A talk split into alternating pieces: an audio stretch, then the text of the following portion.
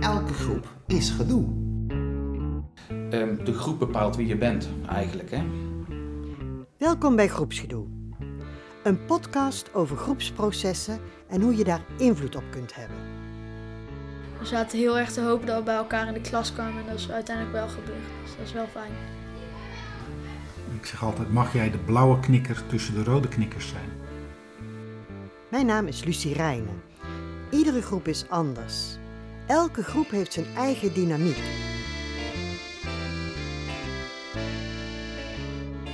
Kom nou eens gewoon bij de gymles kijken. Want daar zie je jouw klas op een hele andere manier. in de basisschool groep 8, dan ben je de, de oudste. En dan eh, ga je naar de eerste en dan ben je de jongste.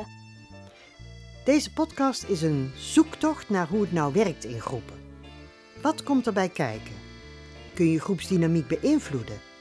En hoe dan? In verschillende gesprekken word ik verrast, leer ik nieuwe dingen en raak ik geïnspireerd voor de praktijk van iedere dag. In elke groep is wel eens gedoe. Ben je geïnteresseerd in groepsdynamiek? Abonneer je dan en luister binnenkort naar Groepsgedoe.